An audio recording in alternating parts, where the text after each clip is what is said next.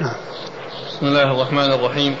الحمد لله رب العالمين. والصلاة والسلام على عبد الله ورسوله نبينا محمد وعلى آله وصحبه أجمعين.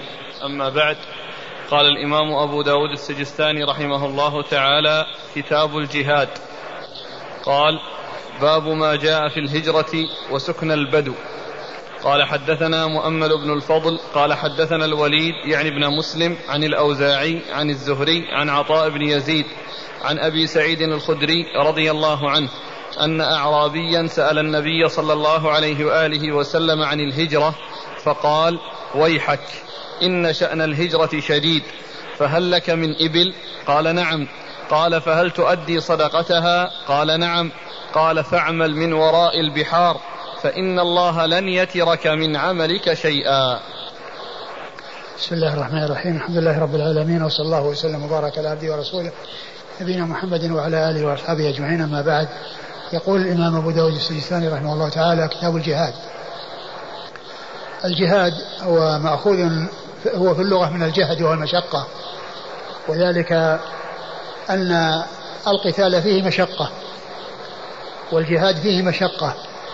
يعني فيه آه احتمال ذهاب النفس وذهاب المال واحتمال حصول إن لم يحصل ذهاب يعني يكون هناك يعني فيه آه يعني نقص في الخلقة بأن يحصل له يعني آه عيب يعني بسبب الجهاد في سبيل الله عز وجل. فال فالجهاد فيه مشقة ومن الجهد وفيه مشقة. والشاعر يقول لولا المشقة ساد الناس كلهم الجود يفطر يفطر والإقدام قتال. الإقدام قتال يعني ولا كل يصبر على القتل وليس كل يصبر على البذل والإعطاء يعني خشية الفقر وليس كل يصبر على الجهاد يعني خشية الموت. فال هو مأخوذ من الجهد وهو المشقة. وفي الشرع هو بذل الع... بذل الجهد في قتال العدو أو في قتال الأعداء. وهو يكون فرض عين ويكون فرض كفاية. يكون فرض عين يعني حيث يختار من أهل البلاد أعداد يوجهون للغزو والجهاد في سبيل الله. وكذلك آآ ويكون فرض عين وهو ما إذا استنفر أهل البلد فعليهم النفير أو أو داهمهم العدو فإنه يكون فرض عين عليه. لا يعذر أحد في المشاركة فيه.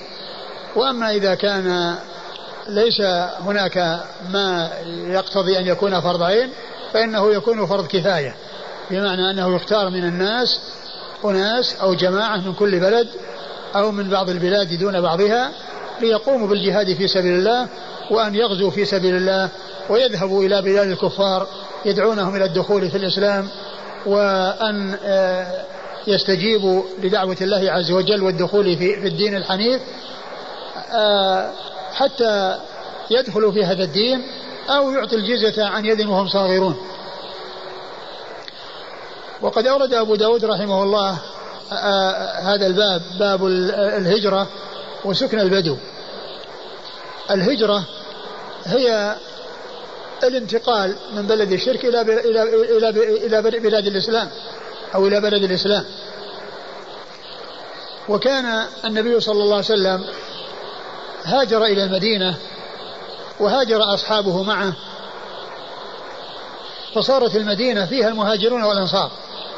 المهاجرون الذين جاءوا إلى المدينة من مكة ومن غيرها لنصرة الرسول صلى الله عليه وسلم ولصحبة النبي الكريم عليه الصلاة والسلام والأنصار الذين استقبلوه وأووه وأيدوه ونصروه.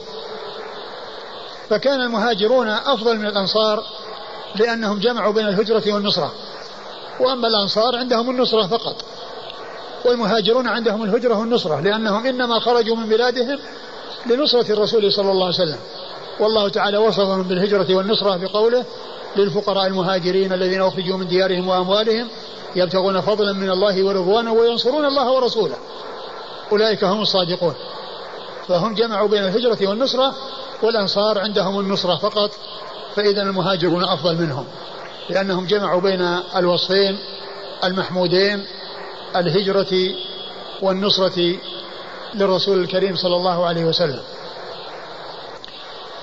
وكانوا يهاجرون إلى النبي عليه الصلاة والسلام ويكونون معه في المدينة ويجاهدون في سبيل الله ويغزون في سبيل الله ويذهبون للغزو آه، مع رسول الله صلى الله عليه وسلم.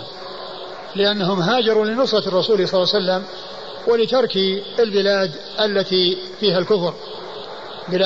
بلادهم التي أهلها لا يزالون على الكفر. وأورد أبو داود حديث آه، من هو؟ أبي سعيد. حديث أبي سعيد الخدري أن أعرابيا جاء إلى النبي صلى الله عليه وسلم وسأله عن الهجرة. سأله عن الهجرة؟ نعم.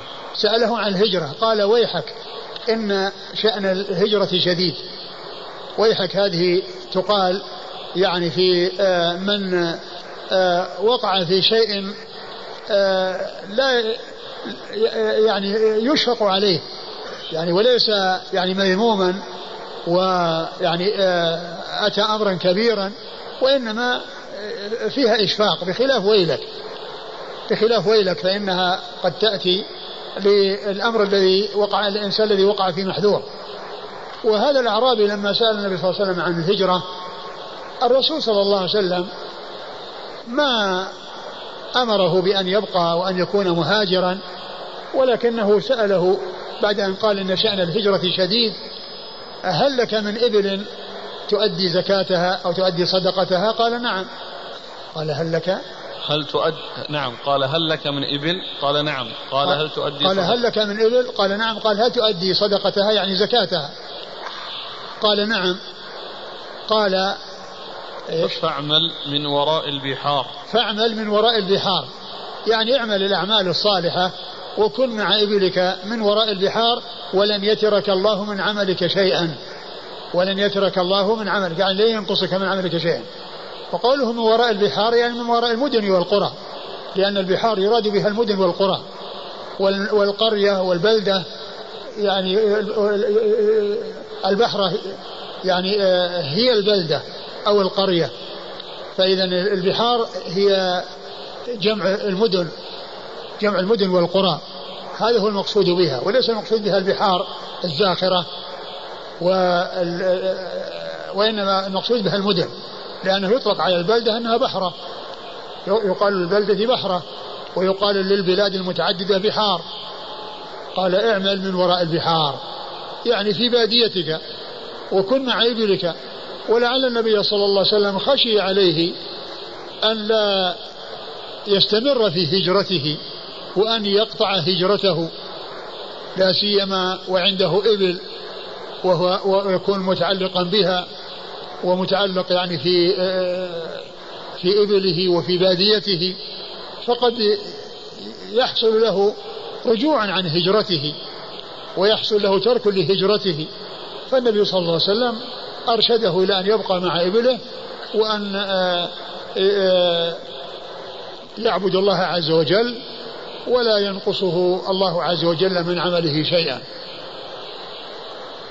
وأما إذا كان الإنسان يعني ليس عنده ما يشغله و آه، هو في البلد الذي هو فيه لا يستطيع أن يؤدي شعائر دينه فإن عليه أن ينتقل وأما إذا كان بقاؤه في البلد الذي فيه كفار فيه مصلحة وفيه فائدة من ناحية أنه يدعو إلى الله عز وجل وبقاؤه سبب من أسباب هدايتهم وهو متمكن في في دينه ويقوم بأعمال دينه ويقوم بشعائر دينه ولا آه، ليس عليه محذور في ذلك.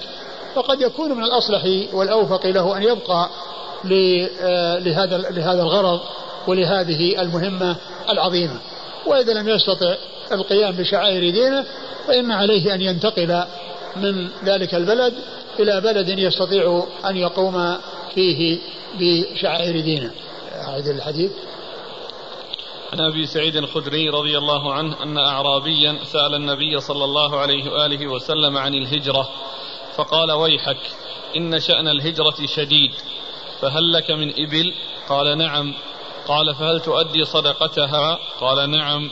قال فاعمل من وراء البحار فإن الله لن يترك من عملك شيئا. نعم قال حدثنا مؤمل بن الفضل. مؤمل بن الفضل ثقة أخرجه أبو داود والنسائي. صدوق أخرجه أبو داود. صدوق أخرجه أبو داود والنسائي. عن الوليد يعني ابن مسلم. الوليد يعني ابن مسلم الدمشقي وهو ثقة أخرجه أصحاب كتب الستة. عن الأوزاعي. الأوزاعي عبد الرحمن بن عمرو الأوزاعي فقيه الشام ومحدثها ثقة أخرج له أصحاب كتب الستة. عن الزهري. عن الزهري محمد بن مسلم بن عبيد الله بن شهاب الزهري ثقة أخرج له أصحاب كتب الستة. عن عطاء بن يزيد. عن عطاء بن يزيد الليثي ثقة أخرج له أصحاب الكتب الستة. عن أبي سعيد الخدري. عن أبي سعيد الخدري وسعد بن مالك بن سنان صاحب رسول الله صلى الله عليه وسلم ورضي الله تعالى عنه وأرضاه وهو أحد السبعة المعروفين بكثرة الحديث عن النبي صلى الله عليه وسلم. لو أعدتم استفتاح أبي داود الكتاب بهذا الباب. أبو داود رحمه الله افتتحه بالهجرة. ومعلوم أن الهجرة هي من أجل النصرة ومن أجل الجهاد في سبيل الله. وكان الصحابة رضي الله عنهم وأرضاهم يأتون من مكة ومن غير مكة قبل أن تفتح مكة مهاجرين إلى المدينة لنصرة الرسول صلى الله عليه وسلم والجهاد. يعني فالوجه ذلك لعله أن الهجرة يعني إلى المدينة كانت من أجل النصرة ومن أجل الجهاد في سبيل الله عز وجل.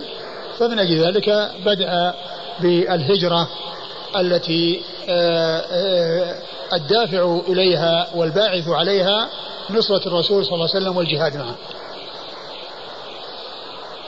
قال حدثنا أبو بكر وعثمان بن أبي شيبة. قال حدثنا شريك عن المقداد بن شريح عن أبيه. قال سألت عائشة رضي الله عنها عن البداوة.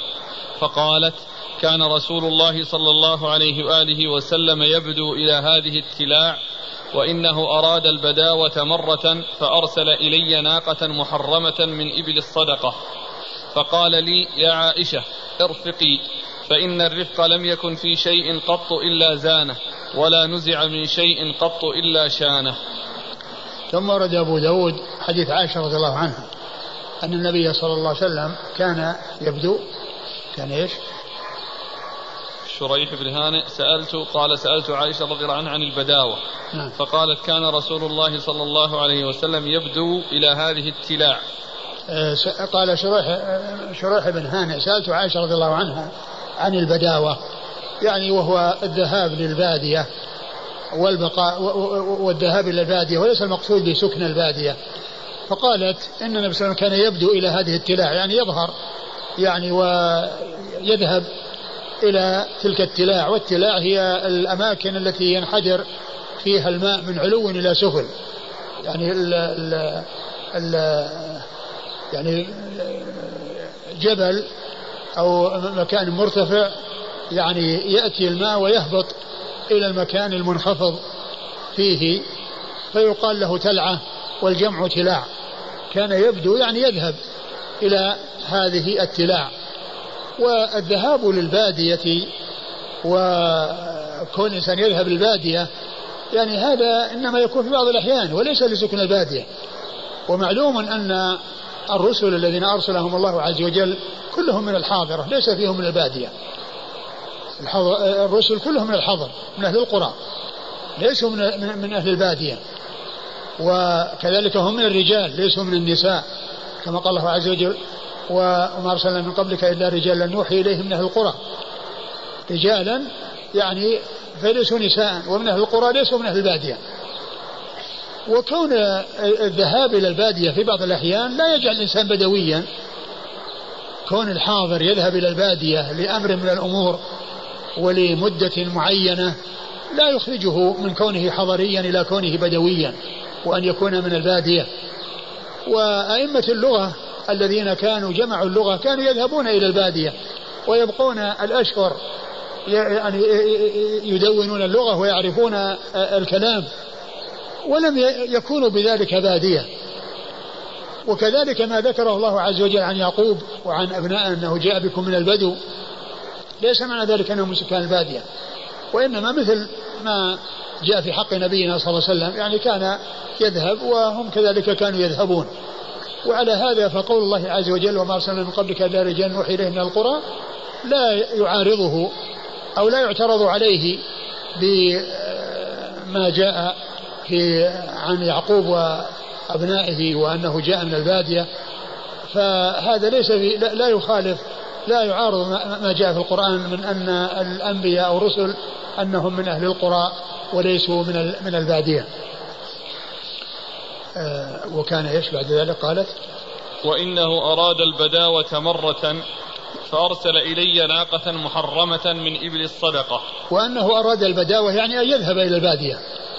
يعني كالذي تقدم أنه كان يبدو إلى هذه التلاع, التلاع يعني يذهب إلى هذه التلاع أنه أراد مرة من المرات أن يذهب إلى البادية فأعطاني فأرسل إلي ناقة محرمة من فأرسل إلي ناقة محرمة من إبل الصدقة والمحرمة هي الصعبة التي يعني فيها صعوبة وليست فيها سهولة يعني التي ضد الذلول. ولهذا يقولون الصعب والذلول الصعب والذلول يعني يقول فلان يركب الصعب والذلول يعني يضربون المثل يعني في آه، كونه يتحمل يعني يركب الصعب والذلول. يعني المذللة والصعبة التي هي غير مذللة. آه، محرمة يعني إنها صعبة. يعني يعني ليست سهلة وليست مذللة. نعم إيش؟ وإنه أراد البداوة مرة فأرسل إلي ناقة محرمة من إبل الصدقة. أرسل إلي ناقة محرمة ما أدري إيش الوجه إرسالها يعني هل هل هو لحلبها أو أو لغير ذلك يعني إذا كان يعني فيها لبن أو أنها ذات ضرع و وأرشدها صلى الله عليه وسلم إلى الرفق وأرسلها إلى الرفق. يعني الرفق مطلقة ولكن أن يكون أتى به هنا يعني فيه إشارة إلى الرفق بها وأنها وإن كانت صعبة فإنه يرفق بها ولا يقسى عليها. نعم. إن الرفق لا, لا يكون في شيء إلا زانة. ولا ينزع من شيء إلا شأنه.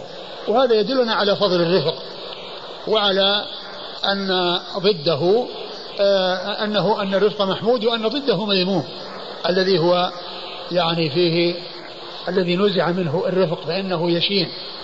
ووجود الرفق فإنه يزين. نعم. قال حدثنا أبو بكر. أبو بكر بن أبي شيبة وهو عبد الله بن محمد بن أبي شيبة أخو عثمان. وعثمان أكثر عنه أبو داود.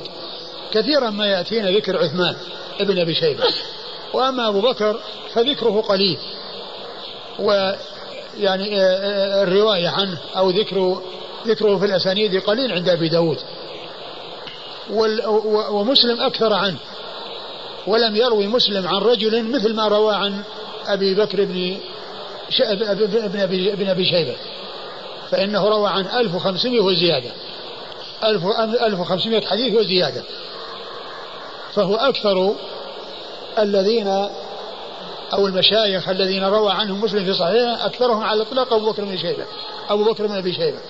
لأن الحديث زادت على 1400 1500 زادت على الألف والخمسمائة. والحافظ بن حجر ينقل يعني في بعض التراجم في آخر تهذيب في آخر الترجمة من تهذيب التهذيب إذا كان رجل من شيوخ البخاري ومسلم يذكر يعني كثيرا عندما يأتي للتراجم نقلا من من كتاب يقال له الزهرة آه، يقول انها روى البخاري له كذا وروى له مسلم كذا. يعني روى له البخاري كذا حديث وروى له مسلم كذا حديث. يعني يذكر ما في الصحيحين. يعني للرجل.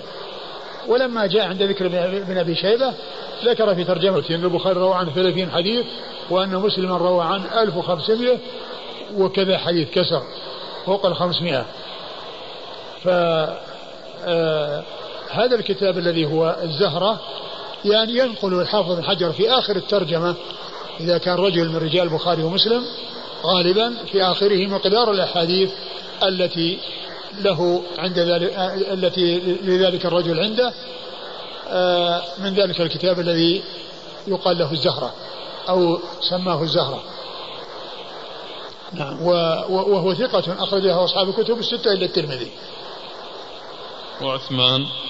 وعثمان بن أبي شيبة ثقة أخرجه أصحاب الكتب إلا الترمذي وإلا النسائي فإنه إنما أخرج له في عمل اليوم والليلة. عن شريك. عن شريك بن عبد الله النخعي الكوفي القاضي وهو صدوق آه، ساء حفظه لما ولي القضاء ويخطئ كثيرا وحديثه أخرجه البخاري تعليقا ومسلم وأصحاب السنن. عن وشريك آه، إذا جاء في مثل هذه الطبقة وهي طبقة شيوخ شيوخ أبي داود فالمراد بشريك القاضي هذا. وأما شريك بن عبد الله بن أبي نمر فهو من طبقة التابعين.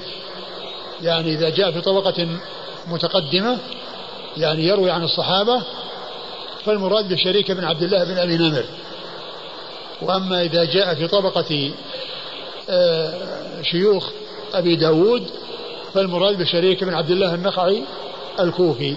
وأخرجه البخاري تعليقا ومسلم وأصحاب السنن عن المقدام بن شريح. عن المقدام بن شريح وهو صدوق. ثقة. وهو ثقة أخرجه البخاري في الأدب المفرد ومسلم وأصحاب السنن عن أبيه. عن أبيه وهو ثقة أخرج له كذلك البخاري في الأدب المفرد ومسلم وأصحاب السنن عن عائشة. عن عائشة أم المؤمنين رضي الله عنها وأرضاها الصديقة بنت الصديق وهي واحدة من سبعة أشخاص عرفوا بكثرة الحديث عن النبي صلى الله عليه وسلم. قال رحمه الله تعالى باب في الهجرة هل انقطعت؟ قال حدثنا إبراهيم بن موسى ابن قال حدثنا إبراهيم بن موسى الرازي قال أخبرنا عيسى عن حريز بن عثمان عن عبد الرحمن بن أبي عوف عن أبي هند عن معاوية رضي الله عنه أنه قال سمعت رسول الله صلى الله عليه وآله وسلم يقول لا تنقطع الهجرة حتى تنقطع التوبة ولا تنقطع التوبة حتى تطلع الشمس من مغربها. ثم ورد أبو داود آه، باب الهجرة هل انقطعت؟ آه الهجرة آه الهجرة من مكة إلى المدينة أخبر النبي صلى الله عليه وسلم أنها انتهت بالفتح لأن لأنه بفتح مكة صارت دار إسلام. وقبل ذلك كانت دار كفر. وكان الصحابة يهاجرون منها إلى الرسول صلى الله عليه وسلم. يهاجرون منها إلى رسول الله صلى الله عليه وسلم. وبعد صلح الحديبية حصل الاتفاق الذي كان من ضمن شروطه أن الكفار اشترطوا على النبي صلى الله عليه وسلم أن من جاء من الكفار إلى المسلمين آه، مسلما فإنه يرد عليه. وأما من جاء من الكفار من المسلمين إلى الكفار مرتدا فإنه لا يرد. فالصحابة رضي الله عنهم وأرضاهم ومنهم عمر وسهل بن حنيف تألموا وتأثروا من هذا الشرط. وكانوا يفاوضون النبي صلى الله عليه وسلم ويراجعونه في ذلك ويقول يا رسول الله نعطي الدنية في ديننا. يعني كيف نكون بهذا الوصف؟ والرسول صلى الله عليه وسلم يعني يخبرهم بأنه رضي بهذا. فسكتوا وهم متألمون متأثرون. ولكن ماذا كانت النتيجة؟ كان آه الذين يسلمون ويهربون من الكفار. الرسول صلى الله عليه وسلم لا يقبلهم بناء على هذا الشرط. وهم لا يريدون أن يرجعوا إلى الكفار. فاجتمعوا وصاروا على ساحل البحر وكل ما جعير لقريش اعترضوها. حتى آه يعني ساء ذلك قريش. وحتى أنهم هم رغبوا في أن يتخلصوا من هذا الشرط.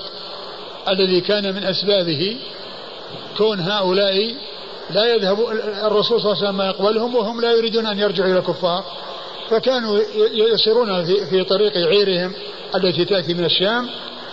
فعند ذلك طلبوا من النبي صلى الله عليه وسلم أنه يعني يقبلهم وأن ينتهي هذا الذي يحصل لهم. فكان في ذلك مصلحة. هذا الشرط وكان الصحابة رضي الله عنهم وأرضاهم يتألموا ويتأثر ولكن كانت النتيجة على خلاف ما كانوا يظنون بل كانت في مصلحة المسلمين. ولهذا كان الصحابة رضي الله عنهم وأرضاهم عندما يأتي يعني شيء آه، آه، قد يكون يعني النفس فيه مشقة عليها ولا تقبله يقول بعضهم يقولون يا أيها الناس اتهموا الرأي في الدين. يا أيها الناس اتهموا رأيكم في دينكم. وقد قال ذلك سهل بن حنيف في صفين. لما أراد أهل الشام التحكيم وأهل العراق أرادوا أن يواصلوا وكان الذين مع علي رضي الله عنه ومنهم سهل بن حنيف يرون أن يوقف القتال وأن يصير الناس إلى التحكيم. فكان سهل يقول للذين كانوا يريدون أن يواصل القتال يا أيها الناس اتهموا الرأي في الدين اتهموا رأيكم في دينكم ثم يذكر قصة يعني صلح الحديبية وما حصل وأنهم كانوا رأوا شيئا فكانت المصلحة بخلافه رأوا شيئا فكانت المصلحة بخلافه. فالهجرة من مكة انتهت ولهذا جاء في الحديث لا هجرة بعد الفتح إلا هجرة من مكة. لأن الهجرة إلى المدينة بعد أن فتحت مكة وصارت دار إسلام آه لم يبقى هناك هجرة منها ولكن بقي الجهاد والنية وأنه إذا حصل الاستنفار للمسلمين فإنهم ينفرون للجهاد في سبيل الله. وأورد أبو داود حديث معاوية رضي الله عنه لا تنقطع الهجرة حتى تنقطع التوبة ولا تنقطع التوبة حتى تخرج الشمس من مغربها. حتى تخرج الشمس مغربها يعني في آخر الزمان. ومعنى هذا أن الهجرة حكمها باق من بلاد الكفار إلى بلاد المسلمين ولا ينتهي. وإنما الذي انتهى الهجرة من مكة إلى المدينة لأن مكة صارت دار الإسلام فلا يهاجر منها. وإنما كانت الهجرة لما كانت دار كفر والصحابة كانوا يذهبون قبل صلح الحديبية ويهاجرون إلى من مكة إلى المدينة. ف الحديث يدل على عدم انقطاع الهجرة وأما الحديث الذي سيأتي لا, لا هجرة بعد الفتح فلا تعارض بينهما لأن المقصود بذلك الهجرة التي هي الهجرة المتحتمة للرسول الرسول صلى الله عليه وسلم. ومن كان يستطيع أن يتعين عليه. وأما بعد ذلك فإن الهجرة مستمرة ولم تنقطع. فإذا لا تنافي بين حديث معاوية وبين حديث ابن عباس الذي سيأتي من أنه لا هجرة بعد الفتح ولكن جهاد ونية.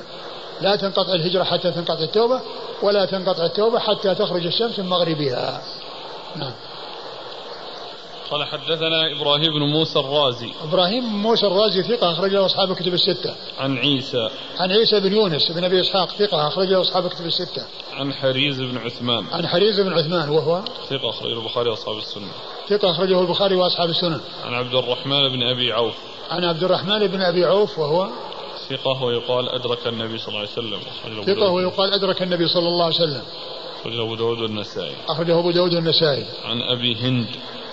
عن أبي هند وهو مقبول أخرجه أبو داود والنسائي. مقبول أخرجه أبو داود والنسائي. عن معاوية. عن معاوية بن أبي سفيان رضي الله تعالى عنه وأرضاه أمير المؤمنين وحديثه أخرجه أصحاب كتب الستة.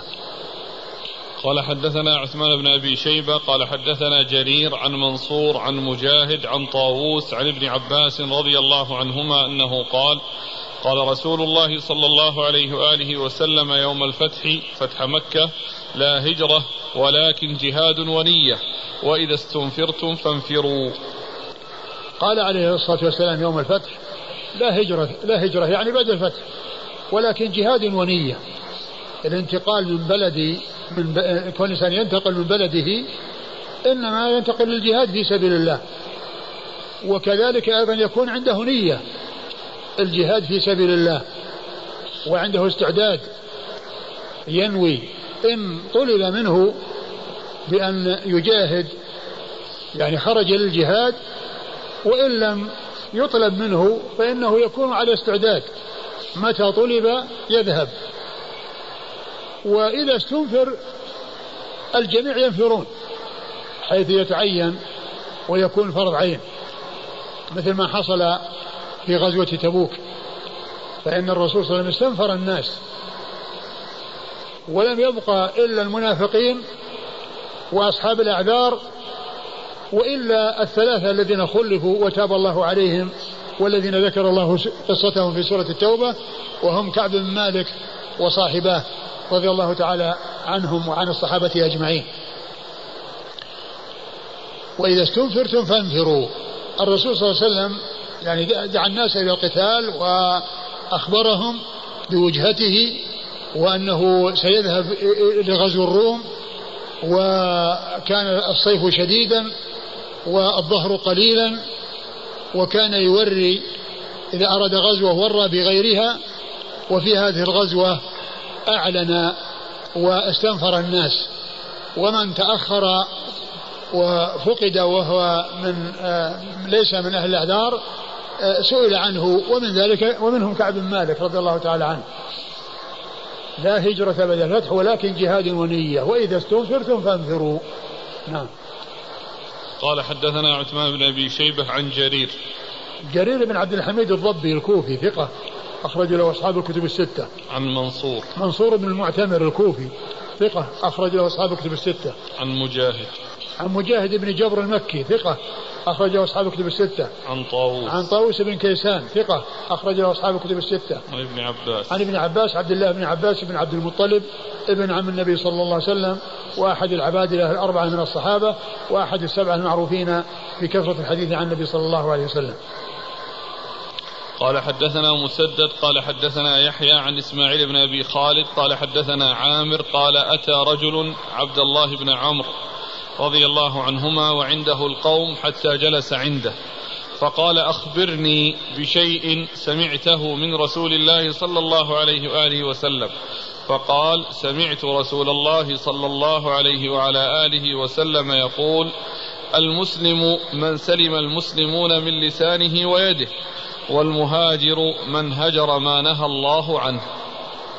ثم ورد أبو داود حديث عبد الله بن عمرو بن العاص رضي الله تعالى عنهما أن النبي صلى الله عليه وسلم أنه جاءه رجل وسأله عن شيء سمعه من رسول الله صلى الله عليه وسلم فقال آه سمعت رسول الله صلى الله عليه وسلم يقول المسلم من سلم المسلمون من لسانه ويده والمهاجر من هجر ما نهى الله عنه. المسلم من سلم المسلمون من لسانه ويده يعني المسلم الحق والمسلم الكامل. هذا هو المقصود بالمسلم والمهاجر يعني الحق الحق يعني من من من هجر ما نهى الله عنه. لأن من هجر ما نهى الله عنه وجاهد نفسه هذا هو الذي يستطيع أن يجاهد الكفار ويقاتل في سبيل الله ويكون له تأثير. لأنه جاهد نفسه وطوعها لله عز وجل. والمسلم هو الذي سلم المسلمون من لسانه ويده. الذي سلم المسلمون من لسانه ويده. لم يصل إليه إليهم أذاه لا من يد ولا من لسان. لا من يد ولا من لسان. وذكر اللسان والمقصود به يعني كون التكلم والوقوع يعني في الناس والوقوع في أعراضهم. وقد وعبر باللسان ولم يعبر بالقول. ما قال سلم المسلمون من من قوله ومن كلامه وإنما عبر بلسانه.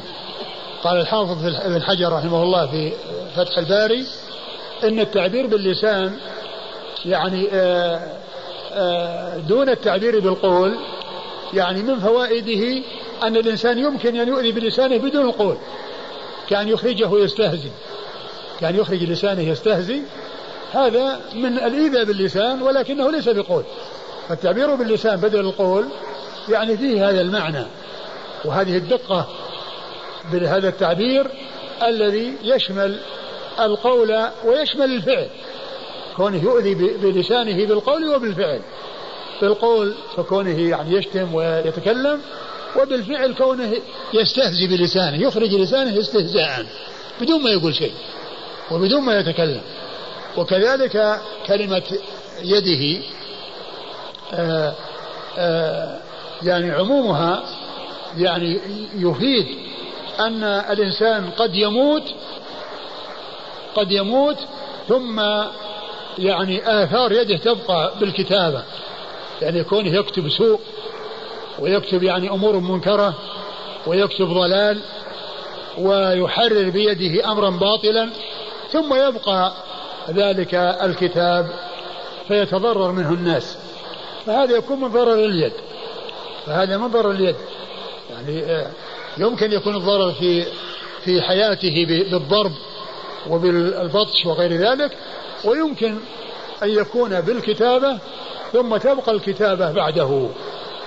ويتضرر الناس بما كتبه بيده وبما خطته يداه. ولهذا يقول الشاعر كتبت وقد أيقنت يوم كتابتي بأن يدي تفنى ويبقى كتابها. فإن عملت خيرا ستجزى بمثله وإن عملت شرا علي حسابها. وإن عملت شرا علي حسابها. فاليد آه، آثارها يعني تكون في الحياة وتكون بعد الممات. تكون في الحياة وتكون بعد الممات. المسلم أي الكامل من سلم المسلمون من لسانه ويده. والمهاجر يعني حقا من هجر ما نهى الله عنه. والذي يهجر ما نهى الله عنه ويستقيم على طاعة الله ويكون قوي الإيمان هذا هو الذي يكون له النكاية في الكفار. وهذا هو الذي يؤثر على الكفار.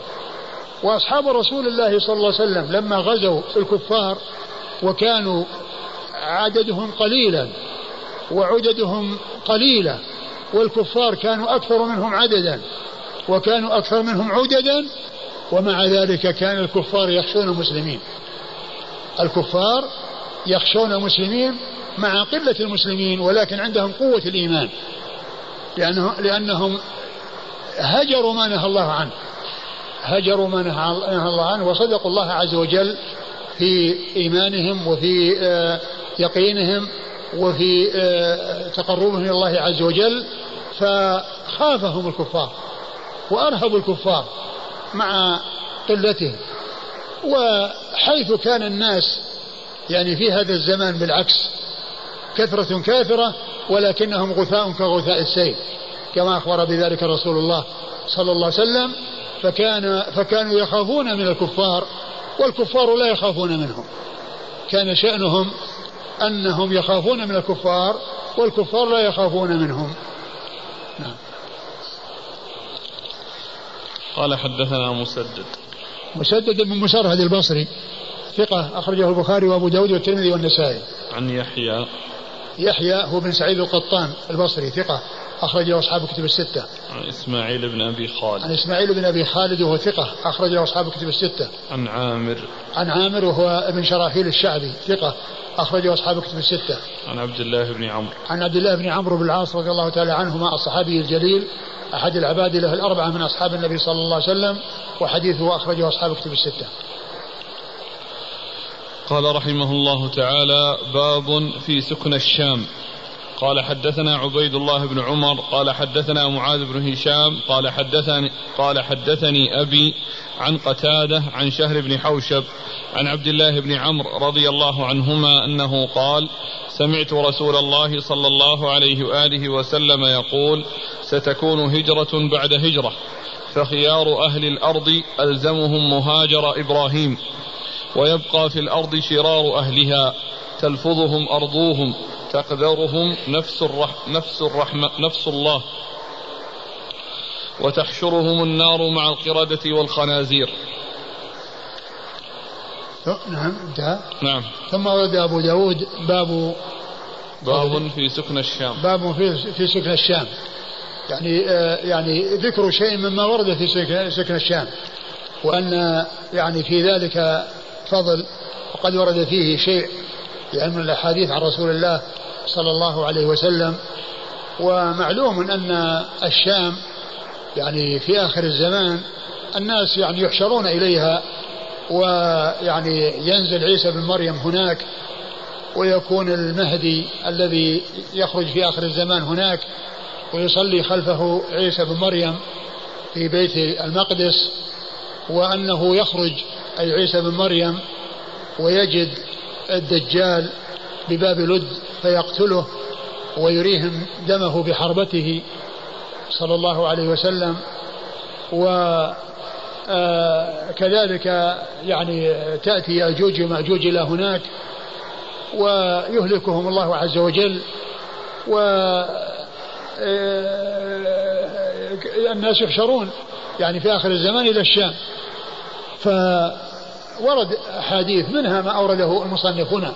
ورد حديث؟ عبد الله بن عمرو. حديث عبد الله بن عمرو بن العاص رضي الله تعالى عنهما قال؟ قال صلى الله عليه وسلم ستكون هجرة بعد هجرة. ستكون هجرة بعد هجرة. نعم. فخيار أهل الأرض ألزمهم مهاجر إبراهيم. فخيار أهل الأرض ألزمهم مهاجر إبراهيم الذي هو الشام الذي هو بلاد الشام. نعم. ويبقى في الأرض شرار أهلها. ويبقى في الأرض شرار أهلها يعني في آخر الزمان ويبقى في الأرض شرار أهلها تلفظهم؟ أرضوهم. ها؟ تلفظهم أرض أرضوهم. تلفظهم أرضوهم. تلفظهم أرضوهم يعني آآ آآ آآ يكونون يعني شرار تلفظهم الأرض. نعم. تقدرهم نفس الله. قال تقدرهم نفس الله يعني أن الله تعالى يكرههم.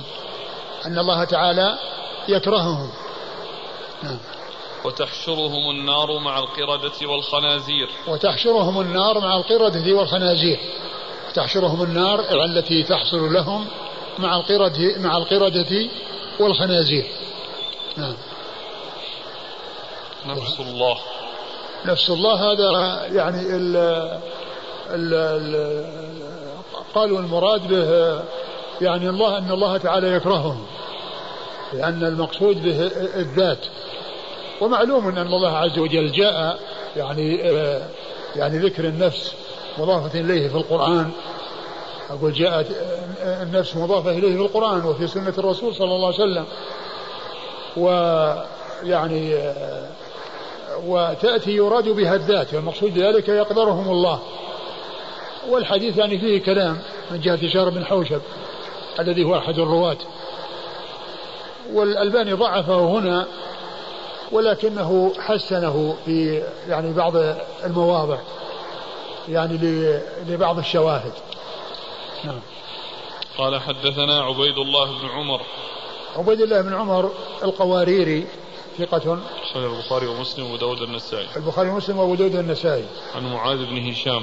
عن معاذ بن هشام بن أبي عبد الله الدستوائي. ثقة. صدوق ربما وهم صدوق ربما وهم أخرجه أصحاب كتب الستة. عن أبيه. عن أبيه هشام بن أبي عبد الله ثقة. أخرجه أصحاب كتب الستة. عن قتادة. عن قتادة من دعامة السدوسي البصري ثقة. أخرجه أصحاب كتب الستة. عن شهر بن حوشب. عن شهر بن حوشب وهو صدوق. كثير الإرسال والأوهام. كثير الإرسال والأوهام. أخرج له. البخاري في المفرد ومسلم وأصحاب السنن البخاري في المفرد ومسلم وأصحاب السنن عن عبد الله بن عمرو. عن عبد الله بن عمرو بن العاص وقد مر ذكره. ففيه قتادة وروايته بالعنعنة وفيه شهر بن حوشب الذي هو سيء كثير الأوهام. نعم.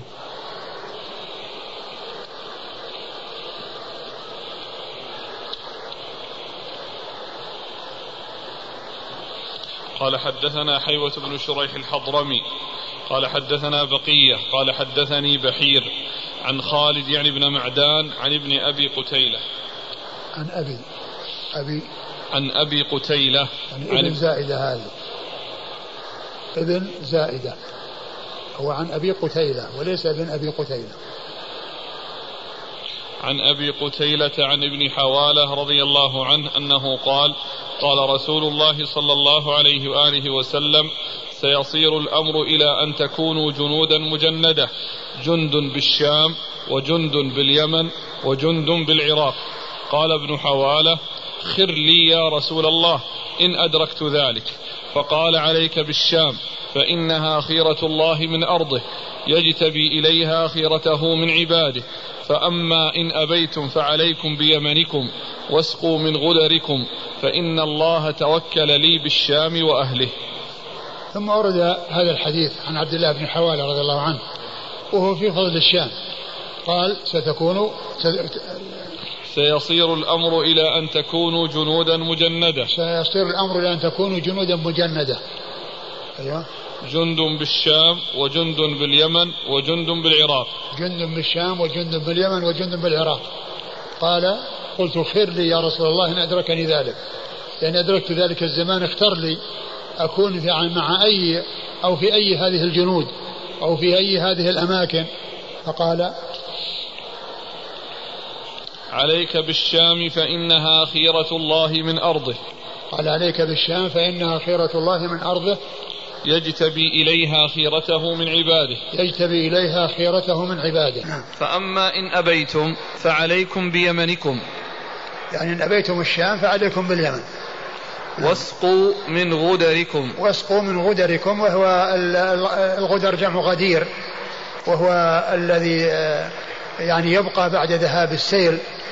وبعد ذهاب الوادي وانقطاع الوادي والأماكن التي يتجمع فيها الماء وتبقى بعد انقطاع المطر ووقوف المطر والناس يعني يأتون إليها ويشربون منها يقال له يقال للواحد غدير والجمع غدر. نعم. فإن الله توكل لي بالشام وأهله. فإن الله توكل لي بالشام وأهله يعني أنه وعده بأن يعني يكلأهم أو أن يحفظهم. قال حدثنا حيوة بن شريح الحضرمي. حيوة بن شريح الحضرمي ثقة أخرج له. البخاري وأبو داود الترمذي بن ماجه. البخاري وأبو داود الترمذي وابن ماجه. عن بقية. عن بقية بن الوليد وهو صدوق أخرج له أخرج له البخاري تعليقا ومسلم وأصحاب السنن. عن بحير. عن بحير بن سعد وهو ثقة أخرجه البخاري في المفرد وأصحاب السنن. ثقة أخرجه البخاري في المفرد وأصحاب السنن.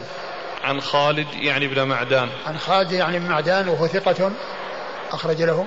أصحاب الكتب. أخرج أخرج أصحاب الكتب الستة. عن أبي قتيلة. عن أبي قتيلة وهو صحابي أخرج له أبو داود. عن ابن حوالة. عن ابن حوالة عبد الله بن حوالة وهو صحابي أخرج له أبو داود. قال رحمه الله تعالى باب في دوام الجهاد. قال حدثنا موسى بن إسماعيل قال حدثنا حماد عن قتادة عن مطرف عن عمران بن حصين رضي الله عنهما أنه قال قال رسول الله صلى الله عليه وعلى آله وسلم لا تزال طائفة من أمتي يقاتلون على الحق ظاهرين على من ناوأهم حتى يقاتل آخر حتى يقاتل آخرهم المسيح حتى يقاتل آخرهم المسيح الدجال. ثم ورد أبو داود باب دوام الجهاد.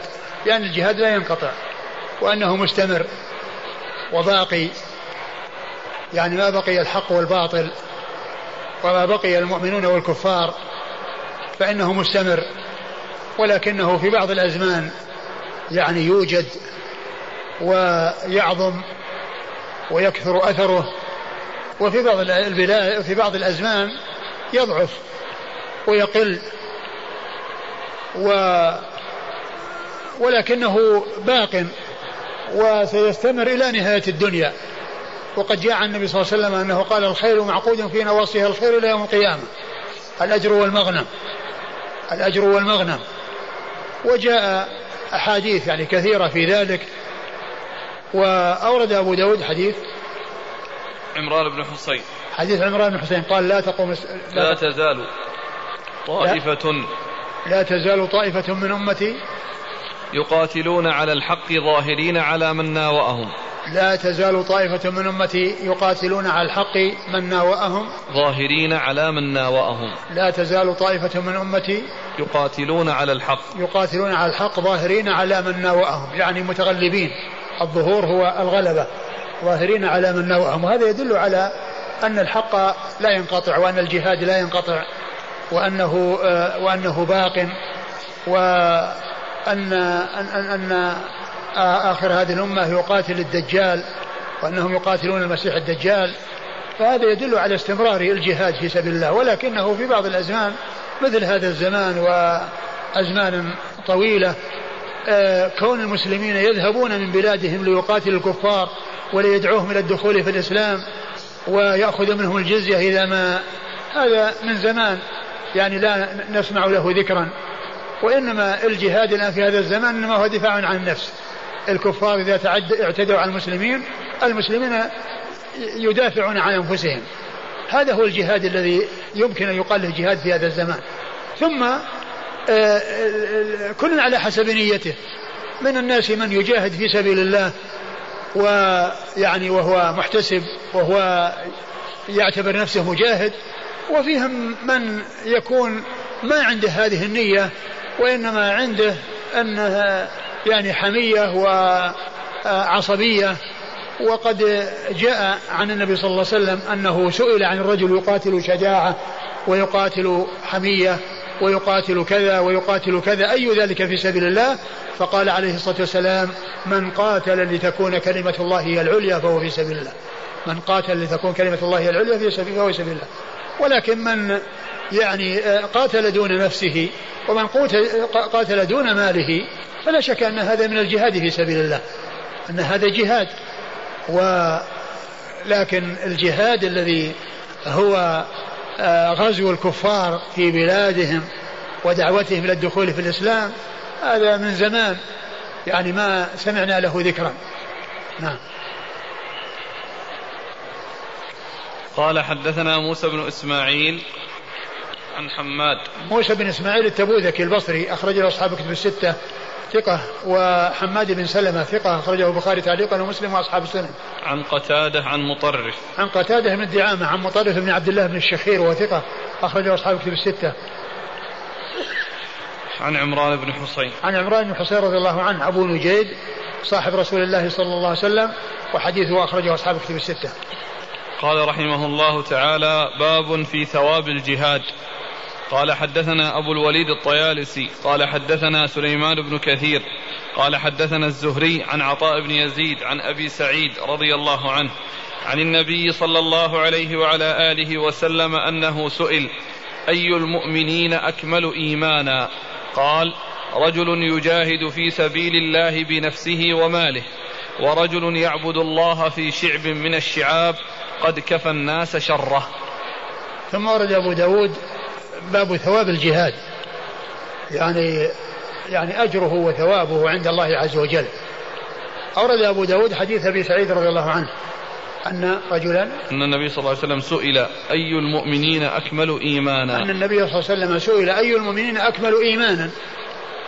أي المؤمنين أكمل إيمانا؟ أيهم أفضل وأكمل إيمانا. فقال رجل يجاهد في سبيل الله بنفسه وماله. رجل يجاهد في سبيل الله بنفسه وماله. فهذا يدل على فضل الجهاد لأن صاحبه وصف بأنه أكمل الناس إيمانا أو أكمل المؤمنين إيمانا يعني معناه أن فيه كمال. رجل يجاهد في سبيل الله بنفسه وماله وذكر الجهاد بالنفس والمال والجهاد يكون بالنفس والمال ويكون بالنية ويكون بال يعني باللسان ويكون بالقلم. كل ذلك يدخل تحت الجهاد في سبيل الله. يعني الكتابة في الدعوة إلى الحق ويكون أيضا في مجاهدة النفس ويكون يعني في الكلام وفي الكتابة كل ذلك من أنواع الجهاد في سبيل الله. و آه، وجميع هذه الأمور إنما هي تابعة لجهاد النفس. لأن جهاد النفس إذا وجد وجدت معه تلك الأشياء الأخرى وأثرت وأثمرت. وأما إذا كان النفس لم تجاهد بل كانت واقعة في المعاصي ففاقد الشيء لا يعطيه كما يقولون. فاقد الشيء لا يعطيه. ولكن من جاهد نفسه؟ هذا هو الذي يؤثر وهذا هو الذي يفيد سواء في جهاده الكفار أو في دعوته إلى الله عز وجل أو في كتابته يعني في الحق والدعوة إليه والدلالة عليه. أو كذلك في نية النية إذا كان عاجزا وغير مستطيع. وقد جاء عن النبي صلى الله عليه وسلم إن بالمدينة لأقواما لما كان في غزوة تبوك. إن بالمدينة لأقواما ما سرتم مسيرا ولا قطعتم واديا إلا كانوا معكم. حبسهم العذر. يعني أنهم جاهدوا بنياتهم فهم بقلوبهم وليسوا بأجسامهم. وقد كان بعض أصحاب النبي صلى الله عليه وسلم الذين لا يجدون يعني ما يتمكنون به من الغزو مع رسول الله صلى الله عليه وسلم يأتون إليه ويطلبون منه أن يحملهم. ثم الرسول صلى الله عليه وسلم يعتذر بأنه لا يجد ما يحملهم عليه فيرجعون وهم يبكون لأنهم ما تمكنوا من الجهاد في سبيل الله وذلك بسبب فقرهم وقلة ذات يدهم فهم وإن كانوا بقوا إلا أنهم مع المسلمين. ولها مع المسلمين في الجهاد في سبيل الله بالنية. ولهذا قال عليه الصلاة والسلام إن في المدينة لرجالا ما سرتم مسيرا ولا قطعتم واديا إلا كانوا معكم حبسهم العذر. وكثيرا ما يأتي في القرآن أو بل الأكثر أن يأتي ذكر الجهاد بالنفس والمال. ويقدم ذكر الجهاد بالمال على الجهاد بالنفس. يعني الآيات الكثيرة العديدة يقدم فيها الجهاد بالمال على الجهاد بالنفس. وذلك لأن الجهاد بالمال يعني يسبب أو يكون من أسباب الجهاد بالنفس. لأن مثل الذين لا يجدون يعني ما يقدرون لا ما يقدرون على الجهاد المال يجعلهم يجاهدون. ففيه بذل الأموال من أجل السلاح ومن أجل المركوب وما إلى ذلك فكون الإنسان يجاهد بنفسه وماله المال يترتب عليه فعله أو تمكنه وتمكن غيره. وعثمان بن عفان رضي الله عنه في غزوة تبوك جهز ثلاثمائة بعير عليها أقتابها وأحمالها في سبيل الله رضي الله عنه وأرضاه.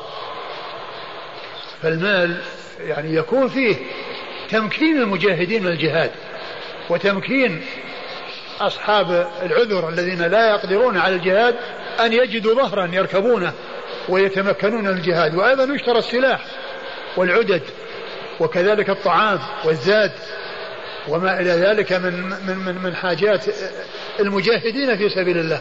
ولهذا يأتي في القرآن كثيرا تقديم الجهاد تقديم الجهاد بالمال على الجهاد بنفسه. بل لا أدري هو ابن القيم أنه قال أنه يعني كل ما في القرآن من ذكر الجهاد بالنفس والمال ففيه تقديم الأموال على الجهاد بالنفس إلا في آية واحدة وهي إن الله اشترى منهم من أنفسهم وأموالهم بأن لهم الجنة اشترى منهم من أنفسهم وأموالهم قدم الأنفس على الأموال. وفي غير هذه الآية يأتي تقديم الجهاد بالمال على الجهاد بالنفس. إيش رجل يجاهد في سبيل الله؟ بنفسه وماله ورجل يعبد الله في شعب من الشعاب. قد كفى الناس شره. ورجل يعبد الله في شعب من الش... يعبد الله في شعب من الشعاب. يعني في شعب من الشعاب الشعاب هي في الفلات. يعني تكون بين الجبلين أو بين يعني آه، أمكنة بين جبلين. إشارة إلى العزلة. ولكن العزلة إنما تكون عند كثرة الفساد وعدم آه، الفائدة من وراء الخلطة. أما إذا كانت الخلطة يترتب عليها إصلاح ويترتب عليها إفادة فلا شك أنها خير من العزلة. قال حدثنا أبو الوليد الطيالسي. أبو الوليد الطيالسي هشام بن عبد الملك الطيالسي ثقة أخرج له أصحاب كتب الستة. عن سليمان بن كثير. عن سليمان بن كثير وهو ثقة. لا بأس به في غير الزهري. لا بأس به يعني بمعنى صدوق في غير الزهري.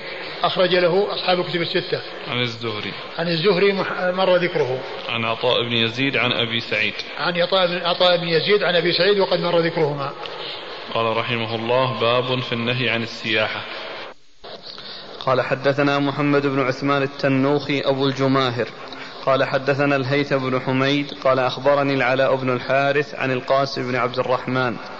عن أبي أمامة رضي الله عنه أن رجلا قال يا رسول الله ائذن لي في السياحة.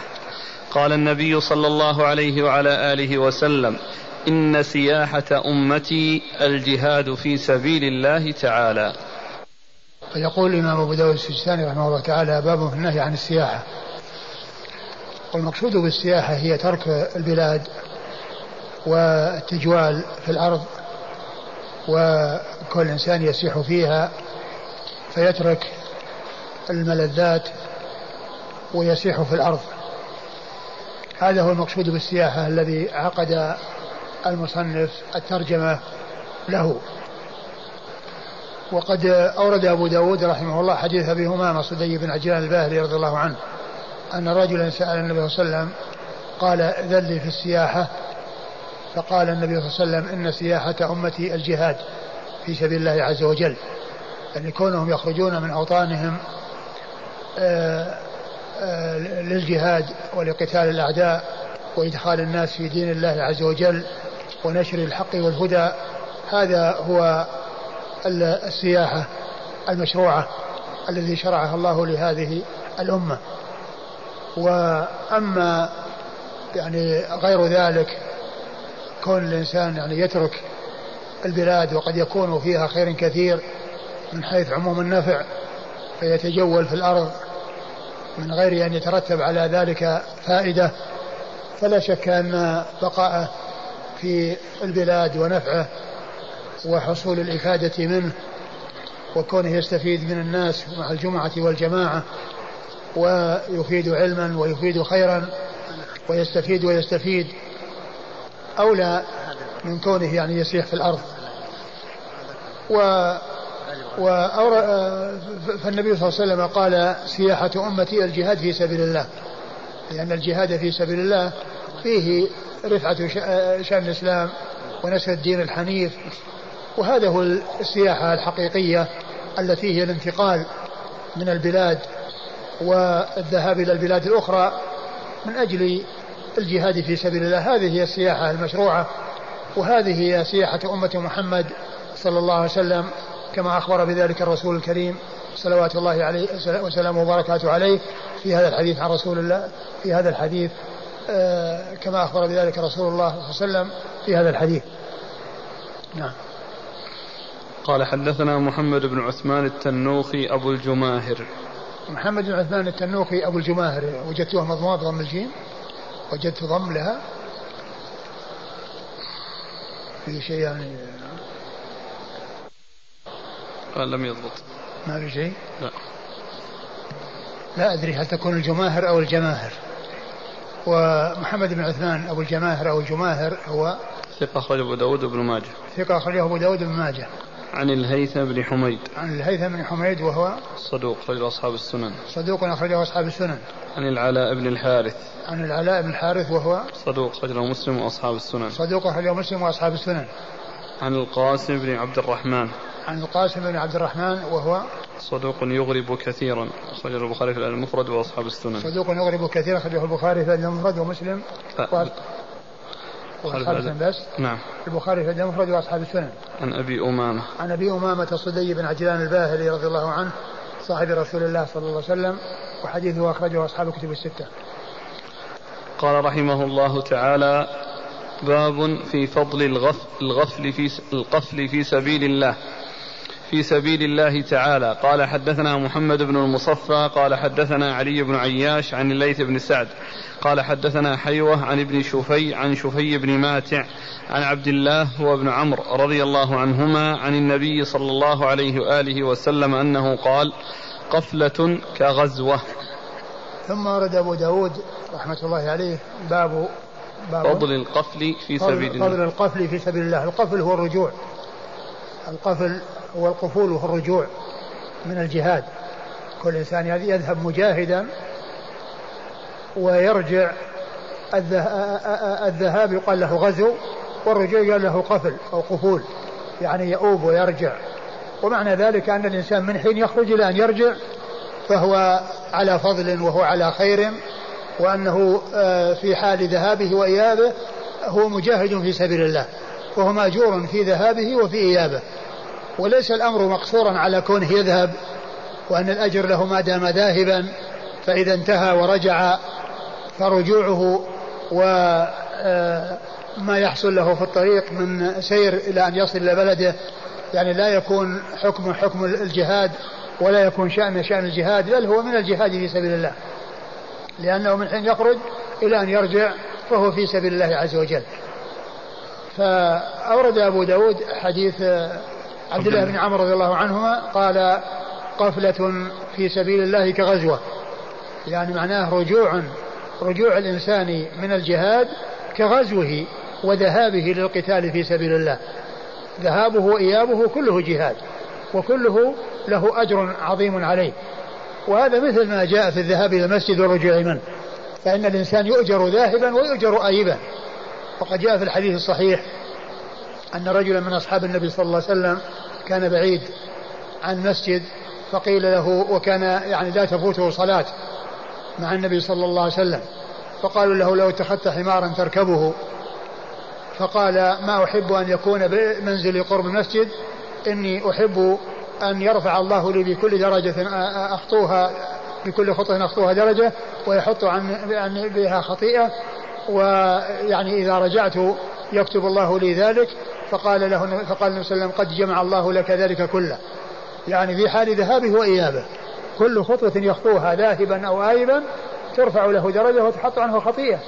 فهذا الحديث الذي جاء هنا مثل هذا الحديث الذي جاء في الذهاب إلى المسجد والرجوع منه. فالإنسان مأجور في خطواته وفي سيره وهو راجع كما هو مأجور في خطواته وسيره وهو ذاهب.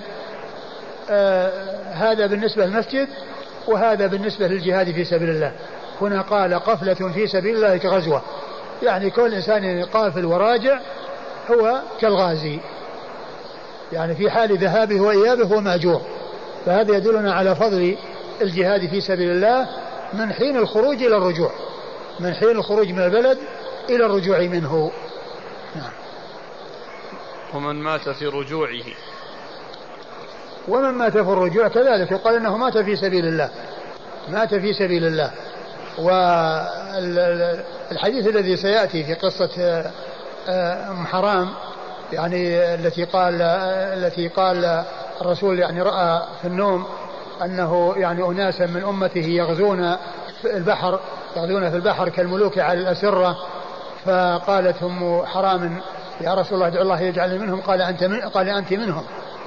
وقد سافرت مع زوجها عبادة بن الصامت لغزو الروم في البحر وبعد رجوعهم يعني ركبت أو قدمت لها بغلة لتركبها فوقعت منها فاندقت عنقها وماتت وقد قال النبي صلى الله عليه وسلم أنت منهم. والأجر يقاس الرجوع من الحج وكذلك أي عبادة أي عبادة يعني الإنسان يعني هذا فهو على خير في ذهابه وإيابه قال حدثنا محمد بن المصفى محمد بن المصفى هو صدوق له أوهام أخرجه أبو داود والنسائي بن ماجه صدوق له أوهام أخرجه أبو داود والنسائي بن ماجه عن علي بن عياش عن علي بن عياش وهو ثقة أخرجه البخاري وأصحاب السنن ثقة أخرجه البخاري وأصحاب السنن. عن الليث بن سعد. عن الليث بن سعد المصري ثقة أخرجه أصحاب الكتب الستة. عن حيوة. عن حيوة بن شريح المصري وهو ثقة أخرجه أصحاب أصحاب الكتب الستة. عن ابن شفي. عن ابن شفي وهو حسين بن شفي. وهو حسين بن شفي بن ماتع وهو ثقة أخرجه أبو داود. ثقة أخرجه أبو داود عن أبيه شفي بن ماتع وهو ثقة أخرجه البخاري في خلق أفعال العباد وأبو داود والترمذي والنسائي وابن ماجه ثقة أخرجه البخاري في خلق أفعال خلق أفعال العباد وأبو داود والترمذي والنسائي وابن ماجه في التفسير. عن عبد الله بن عمرو. عن عبد الله بن عمرو بن العاص رضي الله تعالى عنهما الصحابي الجليل أحد العباد له الأربعة من أصحاب النبي صلى الله عليه وسلم وحديثه أخرجه أصحاب الكتب الستة. قال رحمه الله تعالى باب فضل قتال الروم على غيرهم من الأمم. قال حدثنا عبد الرحمن بن سلام قال حدثنا حجاج بن محمد عن فرج بن فضالة عن عبد الخبير بن ثابت بن قيس بن شماس عن أبيه عن جده رضي الله عنه أنه قال جاءت امرأة إلى النبي صلى الله عليه وعلى آله وسلم يقال لها أم خلاد وهي منتقبة. تسأل عن ابنها وهو مقتول فقال لها بعض أصحاب النبي صلى الله عليه وآله وسلم جئت تسألين عن ابنك وأنت منتقبة. فقالت إن أرزأ ابني فلن أرزأ حيائي فقال رسول الله صلى الله عليه وآله وسلم ابنك, ابنك له أجر شهيدين. قالت ولم ذاك يا رسول الله؟ قال لأنه قتله أهل الكتاب. ثم أورد أبو داود هذه الترجمة باب فضل قتال الروم على غيرهم من الأمم. باب فضل قتال الروم على غيرهم من الأمم. آه، الترجمة المقصود بها أن قتال الروم فيه فضل وأنهم متميزون أو قتالهم متميز على غيرهم من الأمم. وأورد فيه أبو داود حديثا ضعيفا لا يثبت عن رسول الله صلى الله عليه وسلم. حديث غير ثابت غير صحيح. و يعني آه، ما ولا أعلم يعني شيئا يدل على فضل الروم أو قتال الروم وتميزهم على غيرهم. والحديث الذي أورده أبو داود في هذا هو ضعيف وهو أن امرأة جاءت إلى النبي صلى الله عليه وسلم تسأل عن ابنها وقد كان ذهب للجهاد وقال وهي منتقبة. قالوا تسألين جئت تسألين النبي صلى الله عليه وسلم وأنت منتقبة؟ قالت إن أرزع ابني فلن أرزع حيائي. فقال إن ابنك له أجر شهيدين. نعم. إن ابنك له أجر شهيدين. قال قالت ولما؟ ولما ذاك؟ قال ولما ذاك يا رسول الله؟ قال لأنه قتله أهل الكتاب. قتله أهل الكتاب. يعني هذا هو وجه التفضيل على كون الشهيد فيهم الذي يقتلونه يعني له أجر شهيدين. فيعني هذا الفضل الذي جاء في هذا الحديث من أن الشهيد الذي يقتله أهل الكتاب أنه له أجر الشهيدين هذا غير ثابت عن النبي صلى الله عليه وسلم. ولا شك أن الشهادة في سبيل الله آه، لقتال أعداء الله سواء كانوا أهل كتاب أو غير أهل الكتاب فيه الأجر العظيم والثواب الجزيل. ولكن تخصيص آه، من قتلوه بأنه يكون أعظم أجرا وأعظم آه، ثوابا وأن الشهيد يكون له أجر الشهيدين لكونه قتله أهل الكتاب وذلك لأنه قاتلهم فقتلوه. هذا غير ثابت وغير صحيح لوجود آه، يعني عدة ضعفاء فيهم من هو ضعيف وفيهم من هو مجهول. نعم. إن أرزأ إن أرزأ يعني إن حصل لي مصيبة في فقد ابني فلن أرزأ حيائي. يعني كونها منتقبة. يعني إن هذا العمل إنه عمل آه، يعني حسن. والحديث يعني آه، كما هو معلوم غير ثابت. والقصة أيضا تكون آه، إسنادها واحد وهي غير ثابتة والسؤال غريب. أقول والسؤال هو من الأمور الغريبة وكيف يسأل عن مثل هذا؟ إذا الحديث غير ثابت فأمره يعني يعني لا لا تأثير فيه. أسأل عن معنى الفعل. أسأل عن معنى الفعل. اللي هو؟ أرزأ أرزأ يعني آه، الرزية وهي المصيبة. إن حصل لي رزية بفقد ابني فلن أرزأ بحيائي بكوني منتقبة. إن أصب بابني فلن أصب بحيائي. فلن أصب بحيائي. هو هذا نفسه. قال حدثنا عبد الرحمن بن سلام. عبد الرحمن بن محمد بن سلام هو؟ لا بأس به أخرجه أبو داود النسائي لا بأس به أخرجه أبو داود النسائي عن حجاج بن محمد. عن حجاج بن محمد الأعور المصيصي ثقة أخرج له أصحاب الكتب الستة. عن فرج بن فضالة. عن فرج بن فضالة ضعيف أخرج له أبو داود والنسائي وابن ماجه. أبو داود والترمذي وابن ماجه. أبو داود والترمذي وابن ماجه. عن عبد الخبير بن ثابت بن قيس بن شمس عن عبد الخبير بن ابن عن عبد الخبير وهو ابن قيس بن ثابت ابن قيس بن شماس وهو مجهول الحال. مجهول الحال. نعم. أخرج له أبو داود. نعم. أخرجه أبو داود. عن أبيه وهو قيس بن ثابت. وهو مقبول. نعم. مقبول أخرج له. أبو داود. أخرجه أبو داود. عن جده. عن جده ثابت بن قيس بن شماس رضي الله عنه صاحب رسول الله صلى الله عليه وسلم وحديثه أخرجه. البخاري وأبو داود والنسائي. البخاري وأبو داود والنسائي. وعلى هذا فالجد يعني هو ثابت لأن لأن أبا عبد الخبير هو قيس. عبد الخبير بن قيس بن ثابت وهو منسوب إلى جده. عبد الخبير قد نسب إلى جده. وعلى هذا فالحديث عن ثابت بن قيس وأبوه وأبو وعبد الخبير أبوه قيس. وعبد الخبير مجهول الحال وأبوه قيس بن ثابت مقبول. ففيه حديث ضعيف ومجهول الحال ومقبول. فهو غير ثابت عن النبي صلى الله عليه وسلم.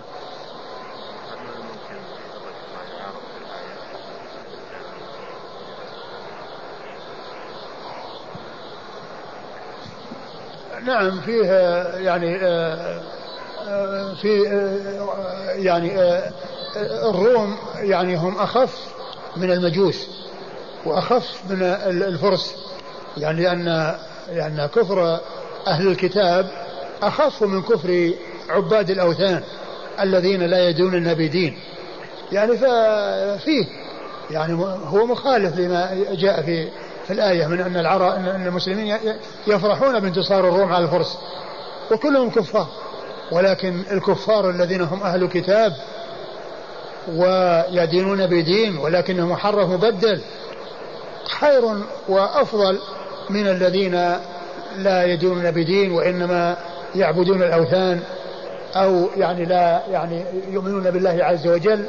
هؤلاء عندهم إيمان ولكنه إيمان آه، قد انتهى يعني زمن آه، يعني شريعة فيها تحريف وقد انتهى زمنها.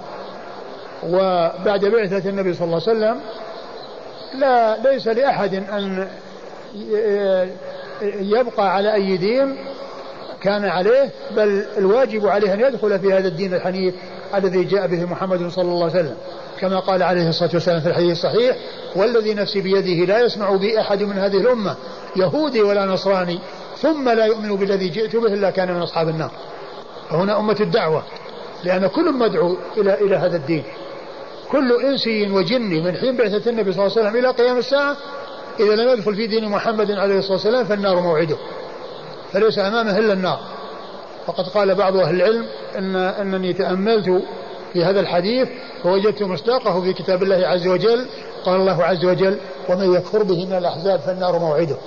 ومن يكفر به من الأحزاب فالنار موعدة. فكل من يكون كافرا بالنبي صلى الله عليه وسلم بعد بعثته فهو كافر بالله ومآله إلى النار وهو خالد مخلد فيها أبد. الآباد وهذا فيه بيان أن الروم أخف من الفرس وأخف من المجوس وأن المسلمين يفرحون. وإن كانوا كلهم كفار إلا أن كفر الكافر أو انتصار الكافر الذي يدين بدين يعني آه، أفضل من انتصار الكافر الذي لا يدين بدين نعم. قال رحمه الله تعالى باب في ركوب البحر في الغزو. قال حدثنا سعيد بن منصور قال حدثنا إسماعيل بن زكريا عن مطرف عن بشر أبي عبد الله عن بشير بن مسلم عن عبد الله بن عمرو رضي الله عنهما أنه قال قال رسول الله صلى الله عليه وعلى آله وسلم لا يركب البحر إلا حاج أو معتمر أو غاز في سبيل الله فإن تحت البحر نارا وتحت النار بحرا.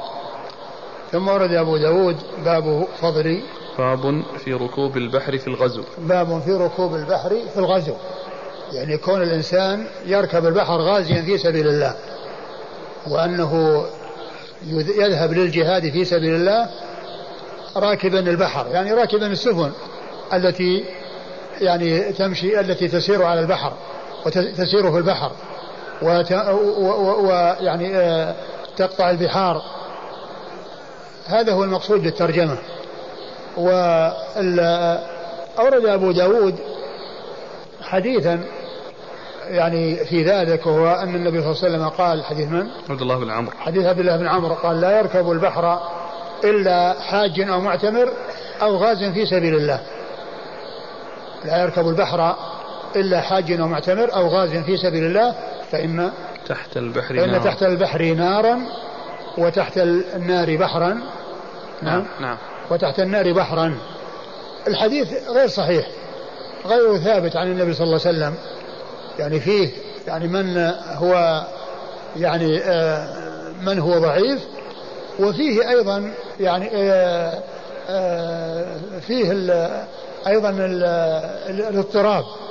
يعني مع ضعف بعض الرواة فيه الاضطراب لأنه جاء فيه على عدة أوجه يعني مما يفيد أنه مضطرب مع أن الإسناد فيه من هو ضعيف. وال وال ولكن ركوب البحر والغزو في سبيل الله عز وجل في البحر جاء فيه أحاديث غير هذا الحديث هو الحديث الذي سيأتي حديث أم, أم, حرام الذي فيه أنه يعني يعني قال عندها واستيقظ وهو يضحك وقالت مما ضحكت يا رسول الله؟ قال رأيت قوما من أمتي يعني يركبون البحر يعني آه، كالملوك يعني غزاة في سبيل الله كالملوك على الأسرة. فقالت قالت الله يجعلني منهم قال أنت قال أنت منهم. فهذا فيه إخبار.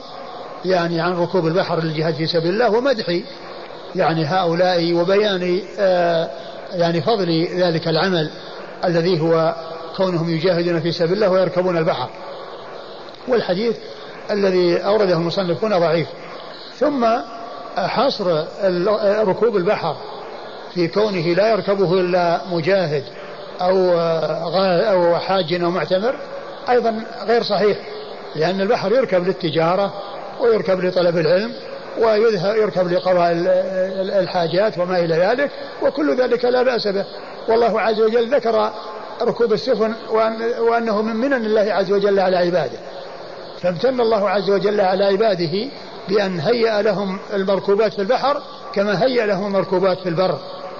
وله الجوار المنشآت في البحر كالأعلام. وترى الفلك مواخر فيه لتبتغوا من فضله.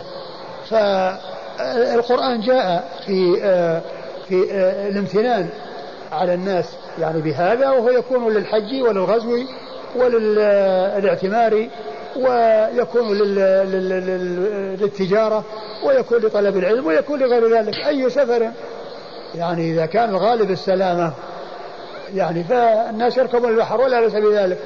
وفيه امتنان لله عز وجل على الناس.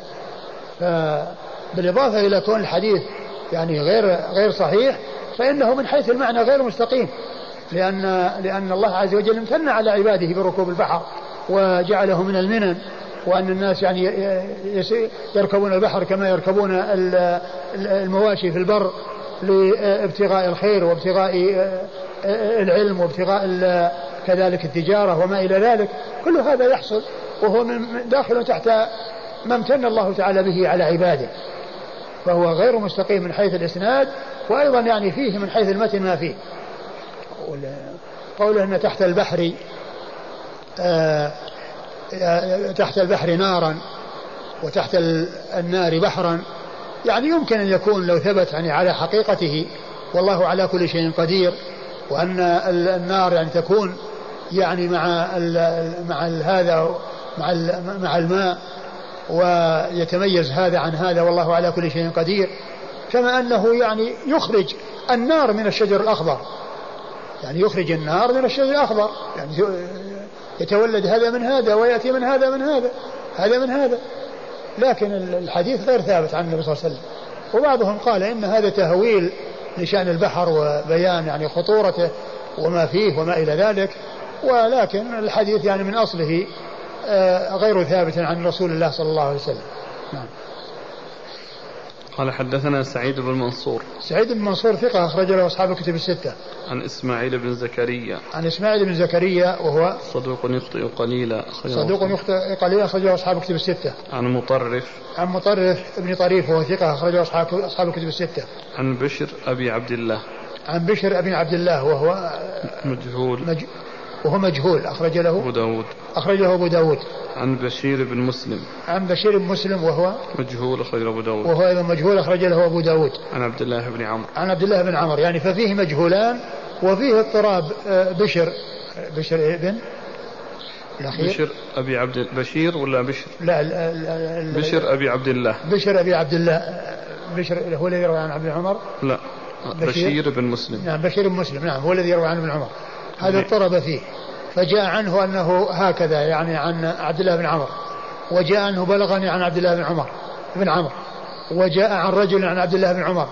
وجاء على غير ذلك. ففيه يعني مجهول مجهولان وفيه اضطراب من ذلك المجهول أو من أحد المجهولين.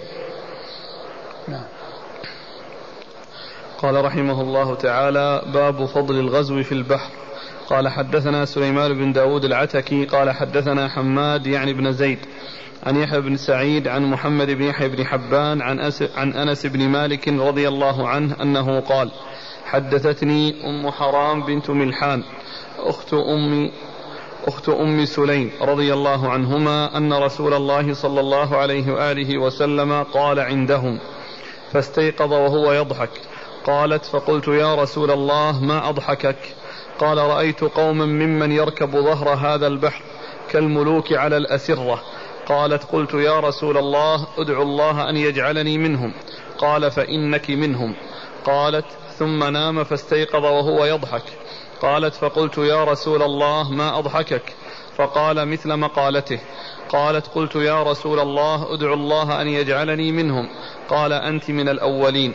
قال فتزوجها عبادة بن الصامت رضي الله عنه فغزا في البحر فحملها معه.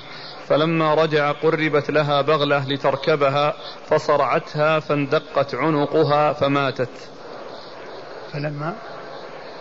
فلما رجع قربت لها بغلة لتركبها فصرعتها فاندقت عنقها فماتت. ثم ورد أبو داود فضل باب فضل الغزو في البحر. باب فضل غزو البحر. وذلك لأن الغزو في البحر يعني فيه آه، آه، آه، يعني زيادة تعب وزيادة مشقة ويعني ركوب يعني غير مألوف يعني للناس لأن المألوف يعني لهم أنهم يركبون على الدواب في البر. فكون الغزو في البحر يعني غير مألوف لهم وكونه يعني فيه مشقة وكونه يعني فيه قوة للمسلمين وكونهم يعني يغزون وينتقلون بواسطة البحر من بلد إلى بلد لغزو الكفار وغزو الروم. فيعني فيه فضل وفيه وله شأن. آه، أورد أبو داود حديث أم حرام رضي الله تعالى عنها أنها أن النبي صلى الله عليه وسلم قال عندها يعني يعني آه، نام عندها في وسط النهار التي هي القيلولة لأن قال تأتي بمعنى القيلولة وتأتي بمعنى القول. والقول يحتاج إلى مقول. وأما القيلولة ما تحتاج إلى شيء. قال يعني بمعنى نام في وسط النهار. قال كذا وكذا إذا كان إذا كان القول مقاليا. وأما إذا كان إذا كان إذا كان قال يعني قولا فهو يحتاج إلى مقول يحتاج إلى مقول القول. وأما إذا كان مقصود به المبيت فهو اسم النوم في وسط النهار. قال له قيلولة. قال يعني مثل الحديث راكب قال في ظل دوحة. قال يعني اضطجع في ظل دوحة. يعني مثل الدنيا يعني كراكب قال في ظل دوحة. فاستيقظ وهو يضحك. فقالت ما الذي أضحكك يا رسول الله؟ قال آه ملوك آه قوم إيش؟ رأيت قوما ممن يركب ظهر هذا البحر كالملوك على الأسرة. رأيت قوم من يركب هذا البحر يعني في الغزو في جهاد في سبيل الله كالملوك على الأسرة. وقيل إن قولك كالملوك على الأسرة يعني أن هذا إشارة إلى ثوابهم في الآخرة وأنهم يعني آه، كالملوك يعني بمعنى أنهم في أحسن حال. وقيل إن هذا في الدنيا. وأنهم كالملوك على الأسرة يعني إشارة إلى قوتهم وإلى نشاطهم وإلى سعة آه، ما عندهم وأنهم يعني يغزون الكفار عن طريق البحر كما يغزون عن طريق البر كما يغزون عن طريق البر يغزون عن طريق البحر يعني إشارة إلى قوتهم. وهذا مدح لهم ويعني ثناء عليهم. وكان فيهم معاوية آه، يعني آه، بن أبي سفيان رضي الله تعالى عنه وأرضاه. نعم. قالت قلت يا رسول الله أدعو الله أن يجعلني منهم. قال فإنك منهم. أدعو الله أن يجعلني منهم. قال فإنك منهم. أخبرها بأنه منهم. ثم إنه نام مرة أخرى فقال مثل ما قال فقال قال أدعو الله يجعلني منهم. قال أنت من الأولين. أي مع الجماعة الذي الذين جاءوا أولا وجاء ذكرهم أولا وهؤلاء ناس آخرون غيرهم. يعني يأتون بعدهم فهي من الأولين. وقد كانت مع هذا الجيش الذي غزا يعني الروم وذهب إلى قبرص وكان موتها في قبرص رضي الله تعالى عنها وأرضاها. آه، خرجت مع زوجها عبادة بن الصامت ولما رجعت قربت لها بغلة لتركبها فسقطت منها واندقت عنقها فماتت. وهذا يعني فيه مثل ما تقدم في أنها في آه، أنها قافلة في سبيل الله كغزوة فهي يعني راجعة حصل لها هذا الشيء الذي حصل وهو سقوطها من الفرس واندقاق عنقها وموتها رضي الله تعالى عنها وأرضاها. وأم حرام يعني جاء في بعض الروايات أنها كانت تفليه تفلي يعني رأس رسول الله صلى الله عليه وسلم تستخرج القمل منه وقال النووي اتفقوا على أنها من انه أنها من محارمه. ولكن اختلفوا في وجه هذه المحرمية. فمنهم من قال إنها خالته أو إنها من من خالات أبيه أو من اخوال أبيه. فيعني على خلاف بين أهل العلم. ف وأيضا في الحديث دليل على أن الرؤية تكون في النهار كما تكون الرؤية كما تكون في الليل. وأن الرؤية لا تكون خاصة بالليل. ولهذا بوب البخاري رحمه الله باب الرؤيا في النهار. باب الرؤيا في النهار. يعني أنها كما تكون في الليل تكون في النهار. ولكنها غالبا ما تكون في الليل. وكان النبي صلى الله عليه وسلم يعني في آه، كما جاء في حديث عبد الرحمن بن سمرة الطويل الذي فيه الرؤيا التي رآها النبي صلى الله عليه وسلم وهي طويلة قد جاءت في الصحيح. كان إذا صلى قال أيكم رأى رؤيا يذكرها لنا حتى نعبرها له نعبرها له. ف يعني فإن أخبره أحد قال أو بين ثم قال إني رأيت الليلة كذا وكذا وجاء بحديث طويل. وكان سؤاله يعني بعد صلاة الفجر لأنه حديث عهد بالليل يعني حتى قبل ما يحصل النسيان قبل ما يحصل النسيان للرؤيا بمضي وقت عليها. فالرؤيا تكون بالنهار كما تكون بالليل. وإن كان الغالب أنها تكون بالليل لطول أو لطول النوم فيه و والنبي صلى الله عليه وسلم كان كما جاء في حديث عبد الرحمن الذي أشرت إليه يسأل بعد صلاة الفجر هل منكم أحد رأى رؤيا حتى نعبرها له نعم. لكن هذه الرؤيا من جنس يعني يعني الواقع أنها تقع كما هي. الرؤيا التي رآها. نعم نعم. يعني ليست مثال. إيه؟ أقول ليست مثال. وإنما هي مما يقع مطابقا للمرء في المنام.